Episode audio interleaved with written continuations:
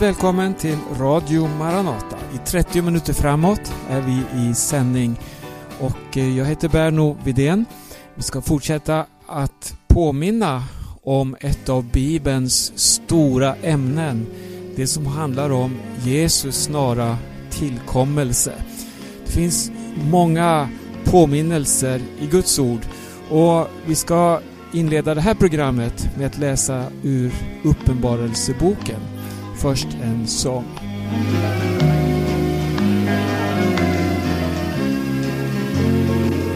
Bortom gyllene sol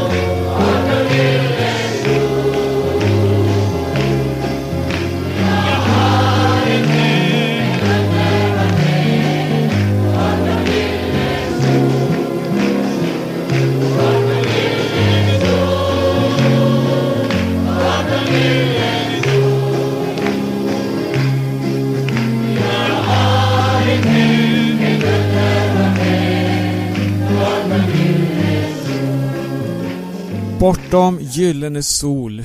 Det var en liveupptagning från ett väckelsemöte. Det var inspelat på 70-talet. Den är alltså en del år gammal men ständigt eh, inspirerande faktiskt och levande sång som vi vill fortsätta att förmedla här på Radio Maranata. Det handlar om påminnelsen om den framtid, det hopp som eh, varje människa har som har tagit emot Jesus. Eh, de sjöng här Bortom gyllene sol och det handlar ju om en framtid som vittnar om något annat än den här, eh, vad skulle vi säga, klimathysterin som råder idag. Allt fokuseras kring klimatet och kring dessa farhågor som, som hopar sig som tunga moln över mänskligheten. Och det skapas stora folkrörelser. Man eh, samlas kring, som, ja vad ska man säga, ett halmstrå för att försöka förändra. Men samtidigt så, så ser man att, att eh, det finns så många krafter inom eh, kommersen, inom industrin alltså. Och he, hela den här biten där, där, där man inte har någon som helst möjlighet att, att förändra situationen. Det är stora politiska åtaganden med ena rösten och sen talar andra marknadskrafter och då råder ett helt annat budskap. Och, och det, det, är som en rävsax skulle jag vilja säga. För att när vi talar om att jobba för miljön, jobba för klimatet och om vi då skulle ta detta budskap på allvar oavsett om det är sant eller inte, det som håller på att drabba jorden, så kan vi konstatera att det råder en fruktansvärd orättfärdighet när det handlar om fördelningen av jordens resurser. Det vi ser som självklart här i Sverige, vår välfärd, den konsumtion vi har, den förbrukning vi har för att leva. Om hela världens befolkning skulle ställa samma krav, ja då skulle vi behöva flera jordklot att leva på. Eh, så, så, så vi ser att oavsett vad eh, eh de här klimatkonferenserna kommer fram till så, så, så eh, har man inte lösningen. Jag, jag, har lyssnat till olika röster när det gäller klimatet. Jag har lyssnat till eh, dels de här som varnar och säger att nu måste vi sätta stopp annars kommer jorden att gå under. Och sen också till de här som menar att det här eh, man förnekar detta budskap och menar att, att det finns helt andra krafter som ligger i botten. Så, som, som använder rädslan hos människor för att skapa denna klimathysteri och genom det då få fram politiska poäng och skapa, eh, ja helt kort skulle vi kunna säga, en världspolis, alltså en överstatlig global makt, finansiell makt och så vidare. Det finns många eh, trovärdiga källor att läsa. Faktiskt både från klimatsidan och från den andra sidan. Men jag vill inte fokusera kring det för att jag har någonting som är så långt mycket viktigare att förmedla. Det handlar om att varje människa ska stå till svars inför Gud. Också inför andra människor. Hur lever vi våra liv? På bekostnad av vem har vi det så gott ställt? Eh, eh, och, och då kommer vi in på Bibelns budskap. Bibeln har ett budskap till den här mänskligheten. Och när Bibeln presenterar sitt budskap då handlar det inte i första hand om klimat och dessa katastrofer. Det finns också väldigt tydligt beskrivet i Guds ord om denna ångest och oro som ska drabba mänskligheten när man ser havets och vågornas stån. Men här har vi ett, ett annat scenario det som handlar om människans ständiga jagande efter att få det bättre, efter det materialistiska, efter välfärden.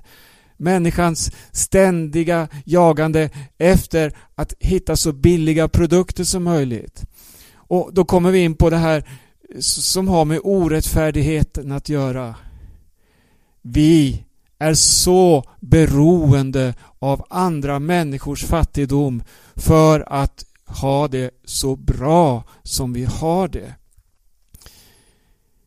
Eh, det här var eh, väldigt enkelt och kanske billigt framställt men eh, bortse från de begränsningarna och, och, och, och se hur det, det ser ut på vår jord idag. Och här kommer vi in i Bibelns budskap. När vi läser Bibeln om tillkommelsen, om Jesus snara tillkommelse, då finns det en rättfärdighet som talar. Rättfärdighetens konung ska komma.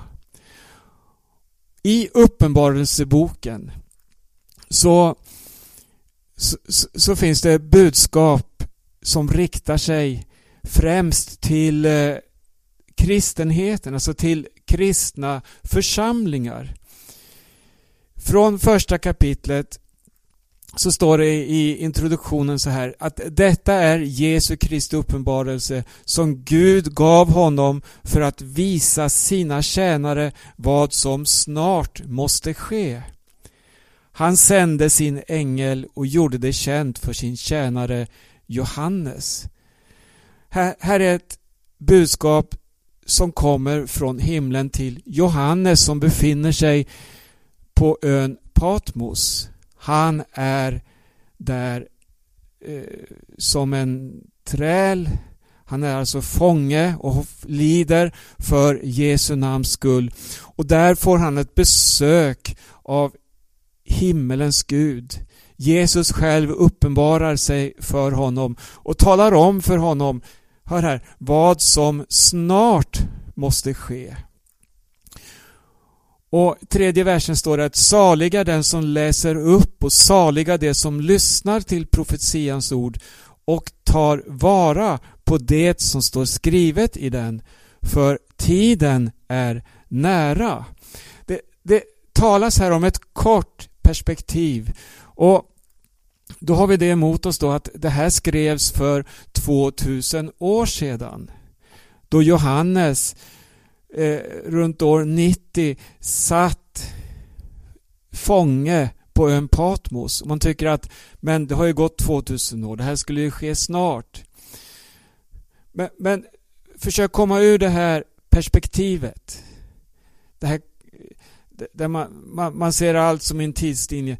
För Gud är tusen år som en dag och en dag som tusen år. Och tiden vi har fått, den är väldigt kort och dyrbar och det är en gåva som vi har fått av Gud att förvalta.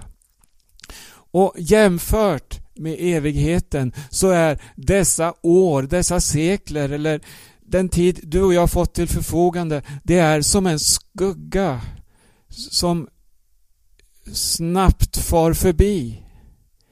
Det här är lättare att förstå då man har blivit lite äldre. När man är ung då tycker man att hela livet ligger framför och sen går åren och så upptäcker man Oj, vart tog livet vägen?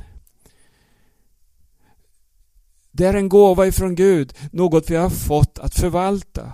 Paulus, när han skriver om Jesu tillkommelse så, så, så, omfattar han sig själv. Vi som då lever kvar. Hur kunde han ha den synen? Jo, för han levde i tillkommelsen, Han levde i denna gemenskap med Jesus och i det hoppet som Jesus själv hade sagt att han ska komma tillbaka.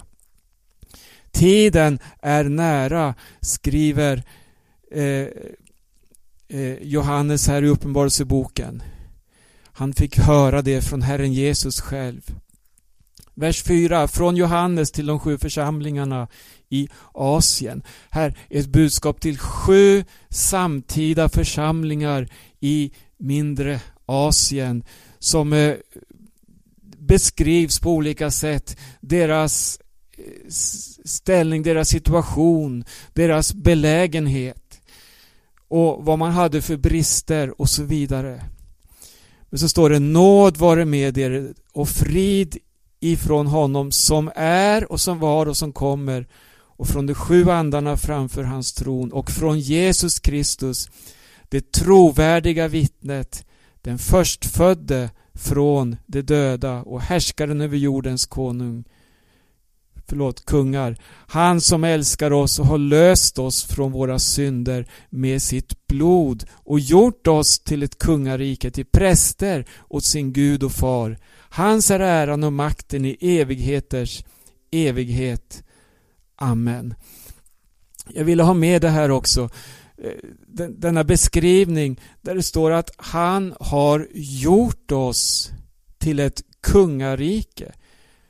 Hur? Jo, Först står det att han har löst oss från våra synder. Vi är befriade från synden genom Jesu blod. Han gav sitt blod. Han utgöt sitt blod på Golgata. Och Bibeln lär att genom detta försoningsoffer är vi befriade från synden. Vi är nya skapelser i Jesus. Men så står det vidare att han har gjort oss till ett kungarike kungar Och så står det till präster åt sin Gud. Och här kommer vi in på detta rättfärdighetens budskap. En kung har ett oerhört ansvar. En präst har ett oerhört ansvar. Att förvalta det Gud har gett. Och här handlar det inte om en yrkesroll i en kyrka där man är en ordinerad präst med all dess utstyrsel. Nej, Nya Testamentet lär något annat. Den talar om församlingen och alla dess syskon, alla Herrens vittnen som präster åt den högste. Var och en av oss bär på detta ansvar att förmedla, att förvalta. Vers 7. Se, han kommer med molnen och varje öga ska se honom, även det som genomborrat honom. Hör, här står det om en dag då han ska stiga ned på denna jord. Han kommer med molnen och varje öga, alltså varje människa på den här jorden. Det blir en dag, ja, som den här världen aldrig har skådat. Det blir en dag då han träder in i ett totalt kaos. Men han kommer med rättfärdigheten, han kommer med friden, han kommer med domen. Han kommer för att upprätta allt efter sin ordning. Och vilka har han med sig? Jo, han har med sig sitt eget prästerskap, sina egna heliga, de som är köpta med hans dyra blod, de som är försonade med himmelens Gud genom Jesus Kristus. Han kommer. Varje öga ska se honom. Och så hör vad det står. Även det som genomborrat honom. Och jordens alla stammar ska jämra sig för hans skull. Alla ska jämra sig på den här jorden för Jesus skull. Ja, Amen, står det. Det här var en oerhört kraftfull inledning av Uppenbarelseboken. Vi ser var fokus ligger. Vi ser vilken tyngdpunkt det har. Det handlar om ett budskap från Jesus Kristus. Han som har försonat människan med sig själv. Men vi vet också att han blev förkastad. Han blev utstött. Ingen ville veta av honom. Och så är det också i denna dag. I vår tid. Jesus och det budskap som Bibeln förkunnar. Varje människa som vill stå för evangelium får uppleva detta motstånd, att bli bortstött, missförstådd, hånad, föraktigad, förföljd på olika sätt. Men det kommer en dag då han ska träda fram. Han ska stiga ner på denna jorden. I förra programmet så talade vi om denna stora dag då han ska komma för att hämta hem sin församling. Det handlar om uppryckelsen då församlingen ska möta brudgummen på skyn i rymden för att alltid vara tillsammans med honom. Brud och brudgum ska förenas. Här möter vi när han ska komma och stiga ned till denna jorden då varje öga ska se honom. Då kommer han tillsammans med alla sina heliga. Och då står det här, jordens alla stammar ska jämra sig för hans skull. Ja, Amen. Det står vid ett annat bibelställe också hur varje knä ska böja sig inför honom. Konungar, väldigheter, alla ska böja sig inför honom.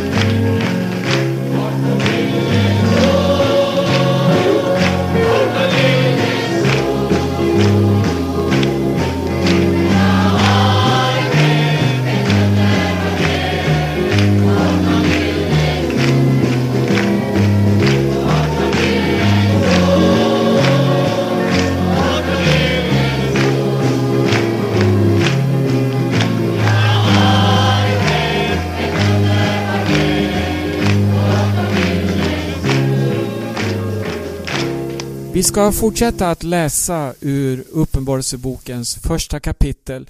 Några fler verser här. Och vi ska jämföra bara några satser, några uttryck också ifrån eh, ett budskap som profeten Daniel fick på sin tid. Här skriver eh, eh, Johannes då det står inom citat här, alltså det är Jesus som säger till honom i vers 11 Skriv ner i en bokrulle vad du ser. Och på samma sätt så kan vi läsa om profeten Daniel hur han fick uppdraget att skriva ner sin syn, det han fick se. Och den eh, har vi ju då nedtecknad i Daniels bok. Alla dessa profetior om tidens tecken. Eh, vi läser vidare här. Eh, så står det så här, skriv ner vad du ser och skicka den till de sju församlingarna i Efesos, Smyrna, Pergamon, Thyatira, Sardes, Philadelphia och Laodicea. När Daniel fick sin eh, syn då stod det att han skulle skriva ner och så skulle han sätta ett insegel på boken och gömma den ty den handlade om tider som var långt framme. Det var alltså inte aktuellt då att sprida detta budskap. Men här möter vi att Johannes, det som han får nedteckna här, alltså uppenbarelseboken. Budskapet är skriv ned vad du ser och skicka detta till de sju församlingarna. Och Det här återkommer också senare i Uppenbarelseboken. Där det till och med står att han ska inte sätta något insegel på denna skrift för att det är saker och ting som hör den yttersta tiden till. Och Johannes skriver också i sina brev, eller eh, främst i det första brevet, så skriver han att den yttersta tiden är nu, alltså den är inne. Och det är denna församlingens tidsålder som vi lever i. Den som hade sin begynnelse egentligen på pingstdagen då, då, då församlingen eh, blev döpt i helig ande och började sin verksamhet. Från den stunden har budskapet varit detta, gå ut i hela världen, predika evangelium och säga håll inte detta stängt inne under ett insegel. Och det, det här är en oerhörd uppmaning till oss. För ut evangelium.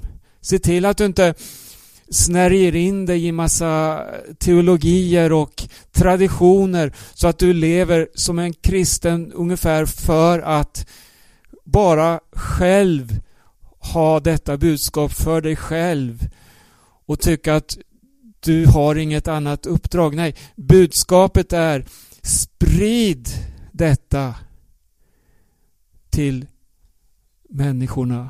Låt dem få höra. Låt dem få se. Låt dem få kunskap om vad som snart kommer att ske. Skicka den till de sju församlingarna, står det. Det är ett budskap till hela kristenheten. Och, och, och kristenheten har fått detta eh, så, vi ska läsa det också som det står i Efesierbrevet det tredje kapitlets tionde vers den här uppmaningen att nu skulle Guds vishet i sin väldiga mångfald göras känd genom församlingen för härskarna och makterna i den himmelska världen. Detta var det eviga beslut som han förverkligade i Kristus Jesus, vår Herre. Alltså, vi har ett uppdrag och det här budskapet ska förkunnas i och genom församlingen för alla människor. Och Guds vilja är att alla människor ska komma till kunskap om sanningen. och få frälsningens budskap. Här har du och jag ett oerhört ansvar.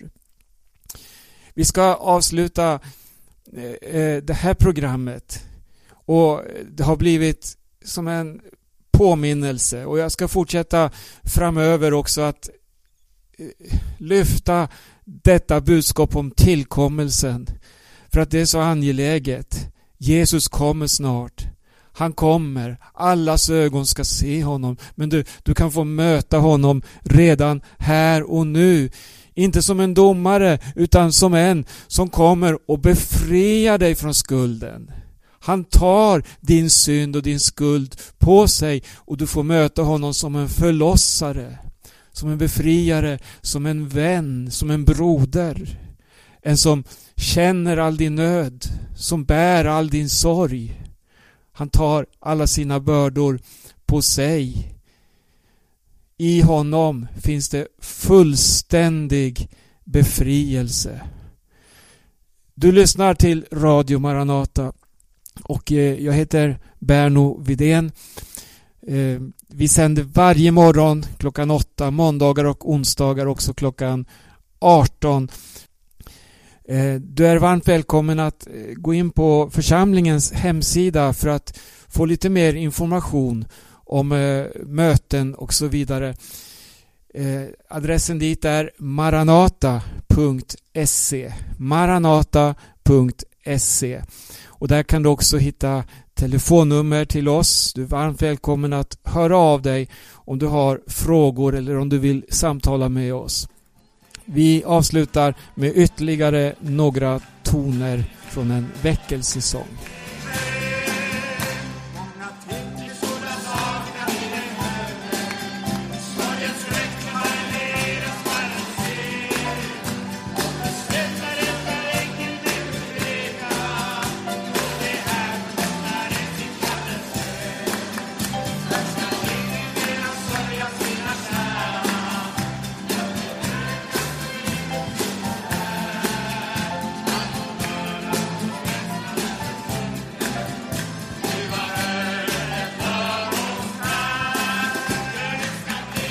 Du har lyssnat till en sändning från Radio Maranata Stockholm och Radio Maranata i Örebro.